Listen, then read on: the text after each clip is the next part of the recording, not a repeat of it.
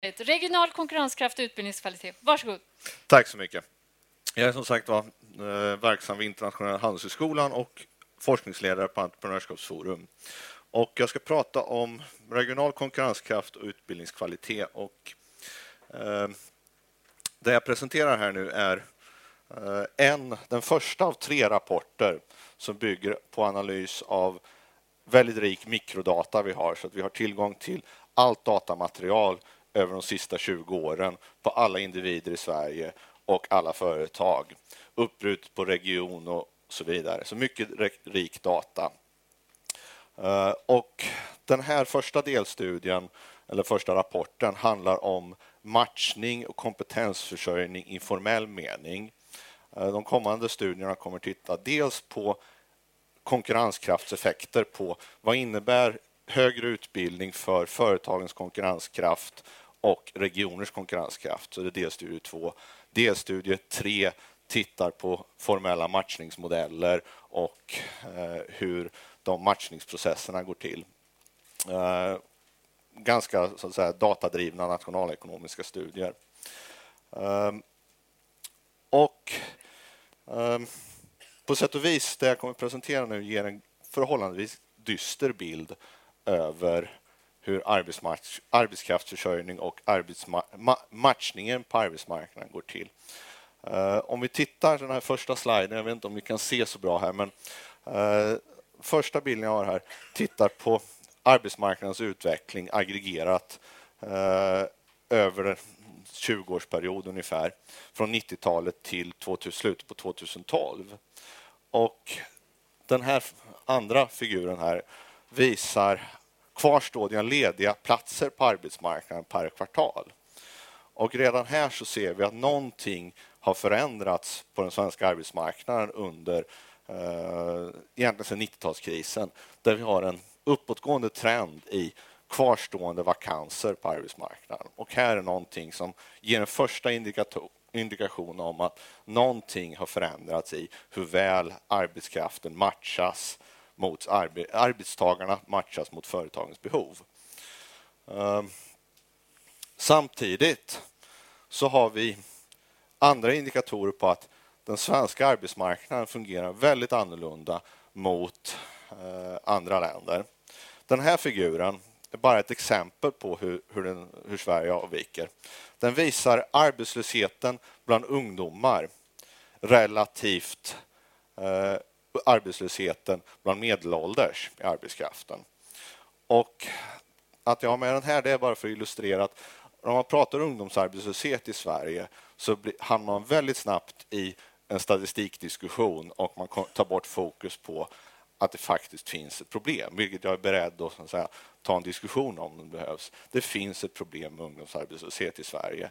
Eh, Sverige har ungefär i ungdomsgruppen 15 till 20 år så har man en sju gånger så hög, 67 gånger så hög arbetslöshet visar vi eh, arbetslösheten för medelålders.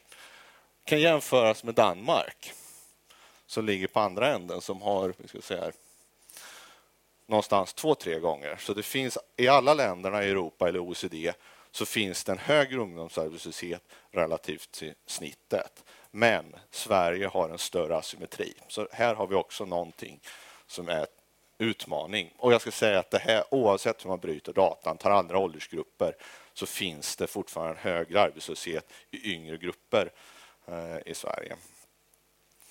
Eh, om vi fortsätter titta på och bryter upp det här med arbetskraftsmatchningen. Jag vet inte om ni känner till något som heter Beveridge-kurvan. Beveridge-kurvan är, eh, man tittar på arbetslösheten eh, visar vi vakanserna. Och när i en högkonjunktur så minskar lediga platser eller minskar arbetslösheten om man har lediga platser. Så man har längs kurvan så har man en konjunkturrörelse. Men parallellförskjutningar av den här kurvan innebär allt annat lika en försämrad matchning på arbetsmarknaden. Och 1980 befann sig Sverige här. Sen har man successivt haft konjunkturrörelser, men nu är vi här ute. Så någonting har hänt med en parallellförskjutning av den här kurvan som återigen indikerar att vi har ett arbetskraftsmatchningsproblem. Ehm, och det här ter sig eh, ganska paradoxalt givet att om vi tittar på det som har hänt under eh, från 95 och framåt så har andelen högskoleutbildade ökat dramatiskt och ett, ett argument bakom det här är naturligtvis att det ska säga uh, de ska lättare komma in på arbetsmarknaden. Och här finns det någon slags paradox i vi har en dramatisk uppgång av högutbildade.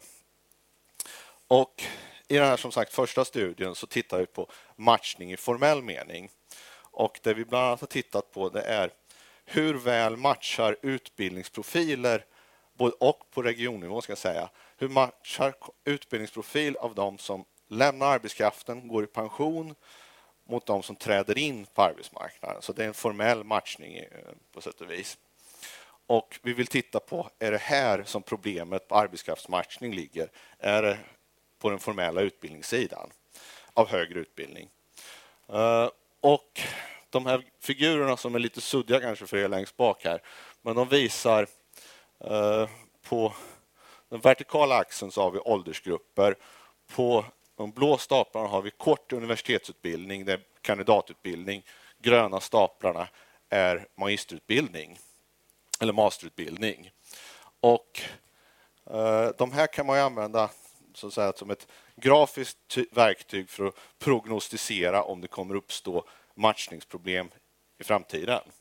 Och det kan man ju se om det så att säga längst upp har vi högutbildade eller eh, äldre åldersgrupper och här har vi inträdare på arbetsmarknaden. Och ska man ha balans i den här så ska man ha ganska jämna figurer så att de ska inte ha och det ser man här för Stockholm, Malmö, Västervik och Filipstad som exempel att i Västervik kanske det finns litet problem på sikt, att man har många Eh, med kort utbildning som inte fylls i äldre grupper, som inte fylls på uh, av uh, yngre inträdare på arbetsmarknaden. Men generellt sett så verkar det finnas en ganska bra balans. Och när man bryter upp det på olika utbildningsinriktningar och regioner så ger det även en, så här, får man en bild av att det finns en balans. Men det finns undantag. Och här är Eh, ett exempel på matematik och naturvetenskap där vi har en stor blå stapel bland äldre åldersgrupper. Och här är vi uppe i pensionsålder, så att det är sådana som snart kommer lämna arbetskraften som inte fylls på under till. Men det är, så att säga, det är extremexemplet i vårt data. Så att det finns inte ett generellt problem på det här sättet. En annan intressant observation är att den regionala variationen i de här problemen är inte stora. När man tar de här utbildningspyramiderna som vi kallar det och tittar över Sveriges olika regioner så ser de ut som karbonkopior på varandra. Och här har vi återigen för Västerås, Halmstad, Jönköping och Örebro så har vi plockat ut eh, den här utbildningspyramiden för matematik och naturvetenskap. Och den ser likadan ut i alla regionerna, vilket jag tycker är en intressant observation i sig. Ehm, ett annat observation man kan göra som förmodligen är kopplad till matchningsproblematiken och eh, andra problem på svensk arbetsmarknad är att Sverige har eh, en av de lägsta utbildningspremierna i OECD-länderna. Och här är genomsnittliga avkastningen per utbildningsår och där Sverige ligger på en 3,9 procents avkastning i utbildningspremie, vilket är väldigt lågt. Och som nationalekonom så säger det till mig att det, det innebär en låg utbildningspremie innebär att det finns en svag, eh, svaga incitament att matcha sin eh, utbildningsprofil mot arbeten där man har hög marginalproduktivitet. Eh, det här är brutto, eh, bruttolöner. Så det är en bra poäng faktiskt för att det är skulle man ta efter skatt så försämras bilden ytterligare naturligtvis, men det är bruttoinkomster det här. Eh, och när vi tittar, temat för det jag ska säga nu var ju, handlar ju om regional konkurrenskraft. Eh, när vi tittar på sambandet mellan regional, bruttoregionalprodukten och hög, andelen högutbildade i regionen så finns det en ganska dyster trend i att här har vi, vi har gjort lite mer ekonometri som jag inte presenterar här. Om vi tittar på sambandet mellan bruttoregionalprodukten, alltså reg, egentligen regionens konkurrenskraft och andelen högutbildade. Så ju fler, när högutbildning eller mer kommer in eh, i regionerna så verkar det faktiskt som att det finns ett avtagande eller negativt samband mellan högre utbildning och bruttoregionalprodukten. Eh, vilket är... Alltså det är en... Eh, det är inget bra. Det är vä väldigt dåligt. Och jag ska säga, vi, vi kan fortsätta lägga ut texten lite om det. Eh, vi försöker så att säga fånga det här i produktionsfunktioner och titta på produktivitet. Där vi tittar på förädlingsvärden både på företagsnivå och regionnivå. Där eh, det tyder på, resultaten tyder på att det finns en kraftigt avtagande effekt eller avkastning på högre utbildning. Och det är ett problem. Men då var slutsatsen från rapporten är att det finns inget generellt kompetensförsörjningsproblem i fråga om högre utbildning, alltså inte formella i, i examen eller så, utan det snarare tyder på att det finns eh, kvalitetseffekter som man behöver titta närmare på. Att finns det fallande kvalitet i utbildningen och där kan så att säga, den här effekten på bruttoregionalprodukt, att den faller, kan indikera på att utbildningskvaliteten försämras. Sen finns det naturligtvis eh, tilltagande eh, utbildnings och kompetensmatchning vilket är eh, säga, paradoxalt i att vi vet, eller vi, det rådande tillväxtparadigmet bygger på eh, att man satsar mer och mer på kunskapsuppbyggnad, innovationer etc. Och när man gör det så skulle man förvänta sig att det skulle leda till högre tillväxttal. Och vi hittar motsatsen, vilket är eh, paradoxalt. Tusen tack Johan. Det ska vi diskutera. Allt högre utbildning och allt sämre matchning. Jag säger välkommen upp på scenen till Soledad Grofej från Arbetsförmedlingen, Madeleine Sandström från KK-stiftelsen, Johan Trové från Västsvenska industri och handelskammaren och Per Tryding från Sydsvenska industri och handelskammaren. Välkomna upp. Under tiden så vill jag veta, har ni nu tänkt om era studieplaner? Var är mikrofonen? Är det någon som vet det? Här. Varsågod Elinor. Och sen tar vi Lorentz och sen får vi återkomma till er. Ja, ja, nej, inte helt, men jag blir också inspirerad av den liksom politiska delen av det. För det är ja. det som vi också har lite som, kanske inte som jobb, men eller yrkes, men, ja, men precis. Ja. Mm. Så eh, den delen blir jag mer inspirerad i. Ja. Men jag tänkte på eh, en annan sak nu när vi har pratat matchning. Och det är att jag blir lite mer irriterad på det vi fick höra innan om att man bara vill kunna plugga in och köra. Plug and eh, play arbetskraft. Precis, ja. och att man inte var alltid villig att kompetensutveckla eller att lägga resurser på, på det. För här är det ju en jättestor motsättning. Eh, så det blev, sitter jag här och blir lite irriterad okay. på och undrar vad kan, ja. vi, vad kan vi då göra åt det? Ja. Mm. Det ska vi prata om här. Ja, Loren ska säga någonting också. Ja. Ja, det finns så himla mycket som jag, som jag vill säga så du får avbryta mig helt enkelt.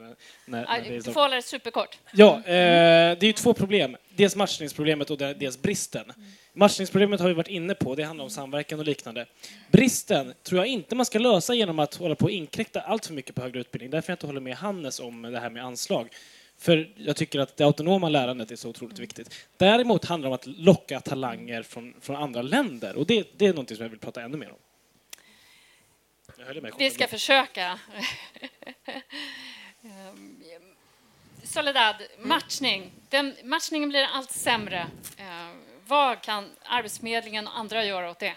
Sammansättningen av de arbetssökande har ju förändrats. Ja. Eh, eh, det är fler personer som står långt ifrån arbetsmarknaden, mm. helt enkelt.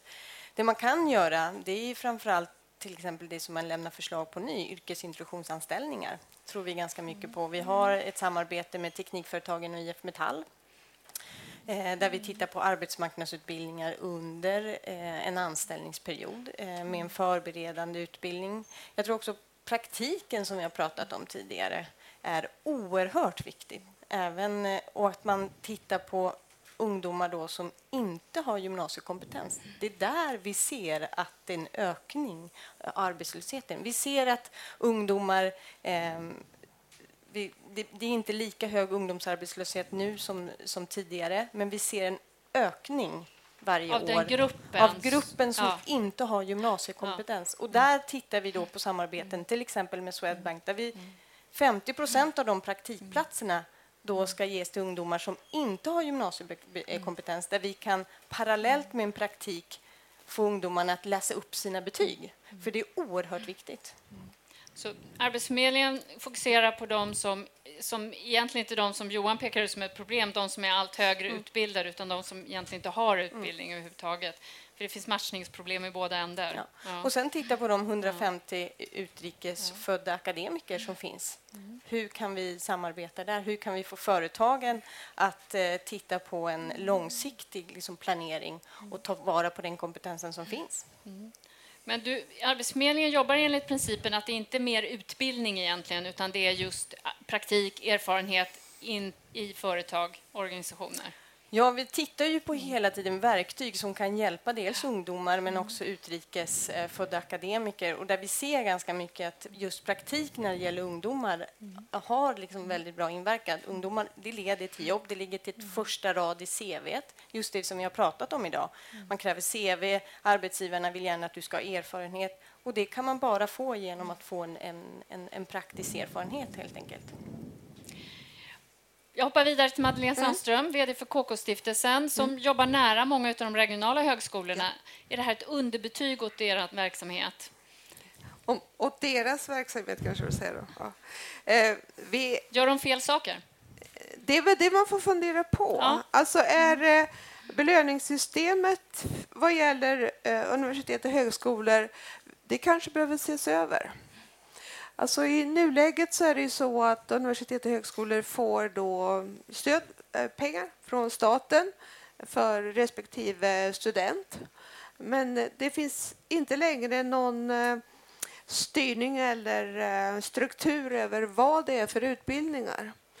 Och det är ju positivt ur en, en, liberal eller öppen Ja. inställning.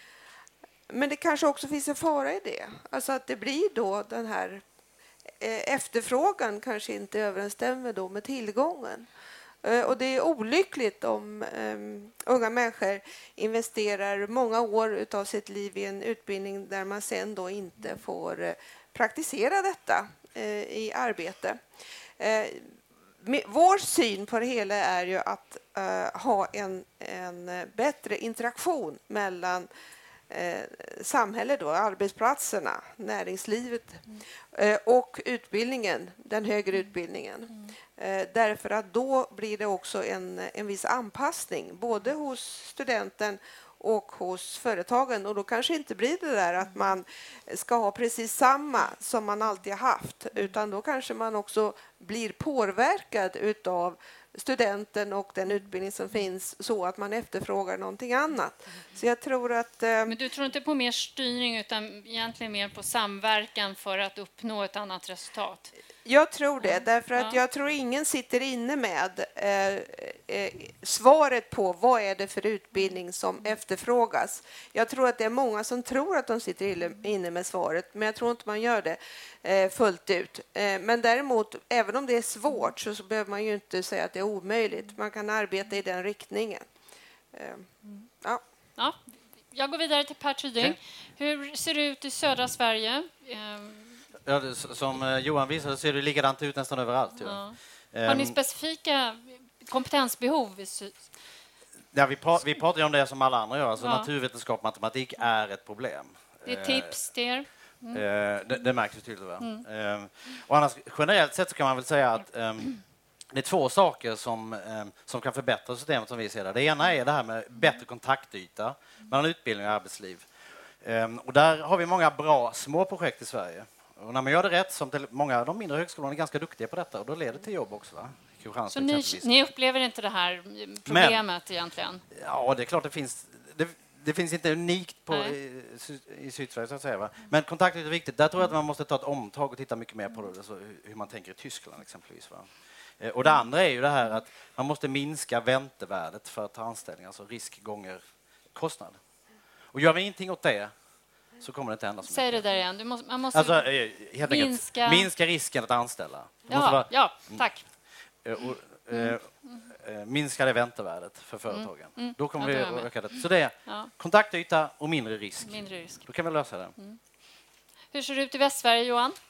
Nej, det är ju samma situation där och eh, vi ser ju också en, en väldigt stor brist på eh, yrkesrelaterade utbildningar och alltså Och praktik. vad är industrijobb Ja, industrijobb Ja. idag så, så letar man med ljus och lykta efter personer med kunskap inom CNC-operation, eh, eh, ja, svetsare, elektriker. Det är alltså vanliga praktiska yrken som idag är en jättestor brist. Och det är ju så att eh, i dagens skola och i, i hela den värld som många ungdomar får till sig så är det väldigt mycket eh, Eh, andra värden som så här, man får till sig via tv, eh, internet och andra sociala medier.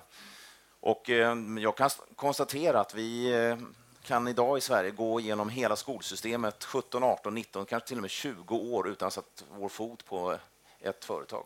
Mm. Mm. Och Det här är ganska intressant när vi alla idag har konstaterat att det är varvning med praktik och relationer med företag som är det viktiga. Samtidigt så har det här med prao inte blivit obligatoriskt längre i den svenska skolan.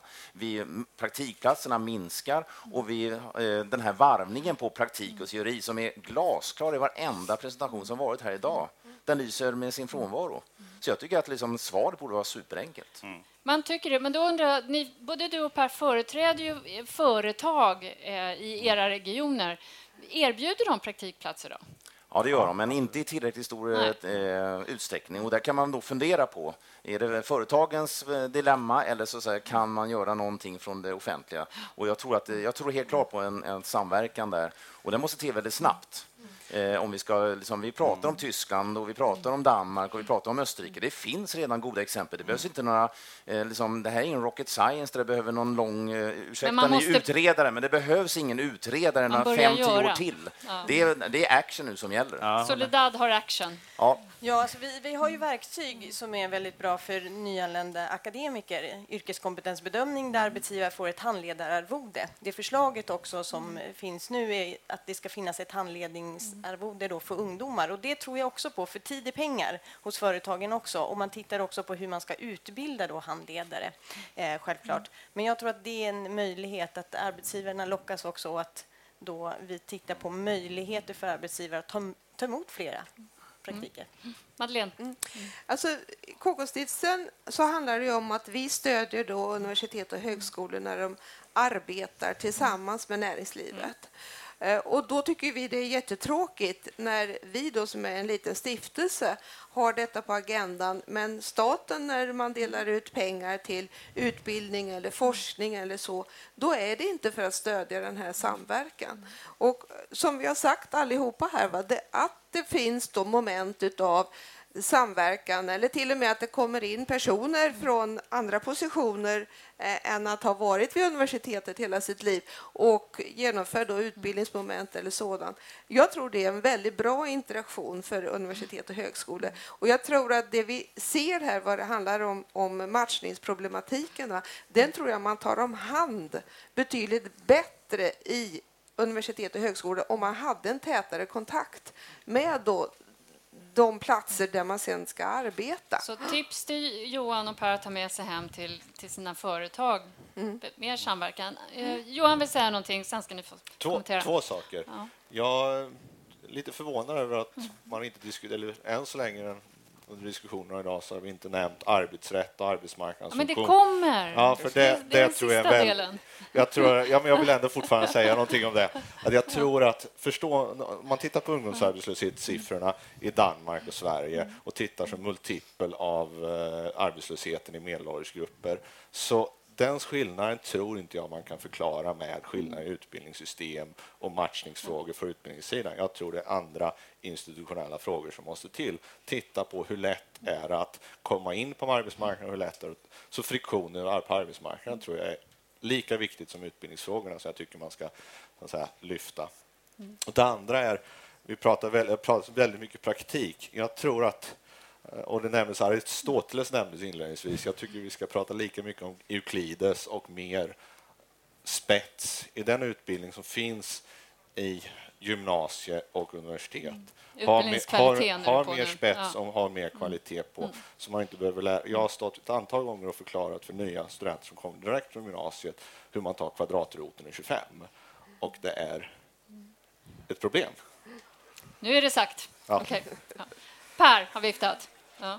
Jo, men, eh, vi har något problem med det här med, med praktik i Sverige. Vi pratar mycket om det, men det sker alldeles för lite. Så, så det, vi måste komma igång nu. Och det är precis som, som Johan säger, utredningen. Utredningens tid måste vara förbi. Och det finns mycket bra modeller eh, att köra och vi måste göra det liksom mycket bredare. Eh, det är den, och den andra är precis som Johan sa. Eh, vi föreslår att man skulle kunna införa det danska systemet i Skåne och utvärdera det på tio år. Kör! Så eh, är alla med på det så sätts det igång vid nyåret. Ja, det är inte jag som bestämmer, men det låter som en bra idé. Johan? Ja, men sen, sen skulle vi koppla ytterligare till utbildningssidan. Eh, Nu, nu har våra lärare ganska tufft eh, med nya reformer med mera ganska ständigt. Men, men där måste man också inse att det är en skrämmande låg kontaktyta mellan skolvärlden och läraryrket och företagen. Eh, Jag kan ta ett exempel från min egen dotter när hon var, skulle på så här Eh, öppet husdag och skulle börja gymnasiet och sa pappa jag ska gå teknikdesign och jag som gammaldags pappa fattade inte vad det är för någonting som fick bara sucka och sa det är naturvetenskaplig light pappa. Okej, vi gick dit och jag tänkte så får vi lyssna till vad de här lärarna har att säga och de berättade det under en halvtimme hur fantastisk denna utbildning var. De lärde sig färg och form och CAD-ritning och allt möjligt och och man kom in på ganska många utbildningar fortsatt. Och sen efteråt gick jag fram som nyfiken pappa till de här två lärarna och frågade men, men vad hamnar eleverna som ni utbildar den här fantastiska utbildningen? Och då tittar de på mig och sa ja, det har vi ingen aning om. Så två lärare som jobbar på gymnasiet och utbildar elever och tycker att sin egen utbildning är fantastisk, de har inte den blekaste vad, de, vad eleverna tar vägen när de gått ut. Bara den grundkunskapen tycker jag är skrämmande. Och jag tror inte att mitt exempel är enskilt, även om inte någon har vetenskaplig studie. Madeleine har viftat också. Du får sista ordet i den här paneldiskussionen. Då måste jag säga att det är ganska märkligt tycker jag att eh, du hävdar att kvalitet skulle stå i någon typ av konkurrens med att man har en praktik eller en interaktion med en kunskapsmiljö utanför universitetet. Jag tror snarare att vi- vi kan bevisa ganska tydligt att eh, de starkaste forskningsmiljöerna och även skarpaste utbildningsmiljöerna har en god interaktion med det omgivande samhället, både i form av att man har gemensamma forskningsprojekt och också att det finns en interaktion mellan studenter och eh, arbetsplatser. Är det säkert att Madeleine ska få sista ordet? Nej, du får kommentera det. Jag säger inte att det står i motsats. Jag, jag tror att man behöver fundera i termer att båda sakerna behövs. Den kompetensdistinktion som Nils gjorde, att universitet och högskolor och högre utbildning ska satsa på den typen av kompetens som företag inte kan ge, och, eller har så att säga, råd att ge. Eh, Och det är grundkompetens i tekniska ämnen och så vidare. Och andra saker kan man lära sig i praktiken. Stort tack till panelen. Vi ska byta uppsättning på scen igen. Och- medan vi gör det så ska ni få prata. Jag vill, jag vill, ni får säga det ni tänker sen, men jag skulle också vilja höra hur ni ser på, på investering i utbildning. Eller rätt sagt, är det en investering eller är det konsumtion? Räknar ni med att få återbäring på, på er utbildningsinvesteringen? Ja, du får börja, Tack då. skuld. Lorenz får vänta en Eh, liten stund. Ja. Kör Johannes.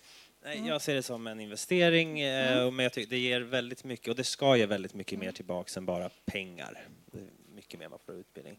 Ehm, Jag håller helt med allt det som panelen sa när det gäller just att hitta alltså kontaktytan och mötet. Jag tror att det är där problemet ligger. Och jag vill vända mig emot det som liksom har börjat att lyftas och jag tror vi kommer komma in på mer som är en fråga om att då det skulle vara för höga ingångslöner. Det är för svårt att avskeda i Sverige. Det är för dålig utbildningspremie. Alltså, jag tycker ibland att när man argumenterar så, sen ska man alltid vara nyanserad, men ibland låter det som att man har bestämt sig på förväg. Alltså, hur förklarar vi då att vi hade mycket bättre matchning på 1980-talet? Hade vi, hade vi högre lönespridning då? Var det lättare att avskeda folk då? Nej, det var det inte.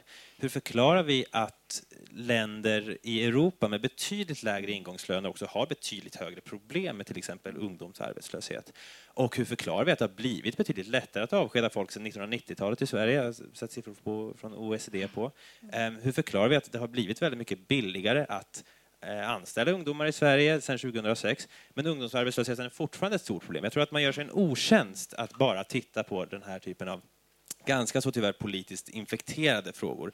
Jag tror mycket snarare det är en fråga om just den här kontaktytan. Det är också en fråga om att ta mer av ett politiskt helhetsgrepp. Alltså gör det möjligt för den som har möjlighet att få jobb i Stockholm att, att få en bostad i Stockholm. Gör det möjligt för den som kan få ett jobb som läkare någonstans långt ifrån Stockholm att faktiskt resa till Stockholm snabbt med tåg. Jag tror mycket mer på den typen av helhetstänk och inte att prata om att det skulle fungera så illa med, med LAS och, och lönesättning och så. Det är fler system som samspelar Ja, ja till det är det. Och, och, och det där liksom, Mm. det är, alltså, skatter och löner i vissa mån funkar, men det är också ett trubbigt instrument som jag tror riskerar att göra mycket skada för, för den svenska sammanhållningen och den svenska modellen. Okej. Eh, Hannes sitter nära, varsågod. Ja, tack så Mm. mycket. Nej, men, eh, vi lär återkomma till eh, den diskussionen efter nästa forskningspresentation. Men jag tror också, nu har vi pratat väldigt mycket om matchning, och vi pratar om liksom företagen och de som ska anställas, så glömmer vi det som finns lite i mitten, liksom det som ska matcha. Vi hade en representant från Arbetsförmedlingen uppe, och jag tror det är viktigt att våga även se problem med de som matchar. Och där har ju Centerpartiet lyft fram att våga konkurrensutsätta Arbetsförmedlingen efter eh, Australiens modell exempelvis, och ha med en, en jobbpeng till exempel, tror jag vore, eh, vore väldigt bra för att kunna hitta nya, nya vägar. Men sen så också när vi pratar om kvalitet i utbildningen, så även där måste man ju våga liksom, säga jobbiga saker och att svenska studenter exempelvis pluggar mindre idag än vad man gjort tidigare. Och man ser att eh, om man jämför i OECD-snittet så ligger Sverige bland de lägsta i hur mycket studenter lägger ner på, på sina studier. Och det är klart att sånt påverkar kvaliteten. Och man pekar också här på ja, men de olika staplarna, om man har en eh, kandidat eller en master eller en magister. Det, du kan ha fyra magisterexamen som din kompetens och kunskap bara motsvarar en kandidat så spelar det ingen roll om du inte har den utbildning du har har fyllts av kvalitet också. Eh, Elinor tror jag var först. Skicka ner den här. Här kommer den. Varsågod.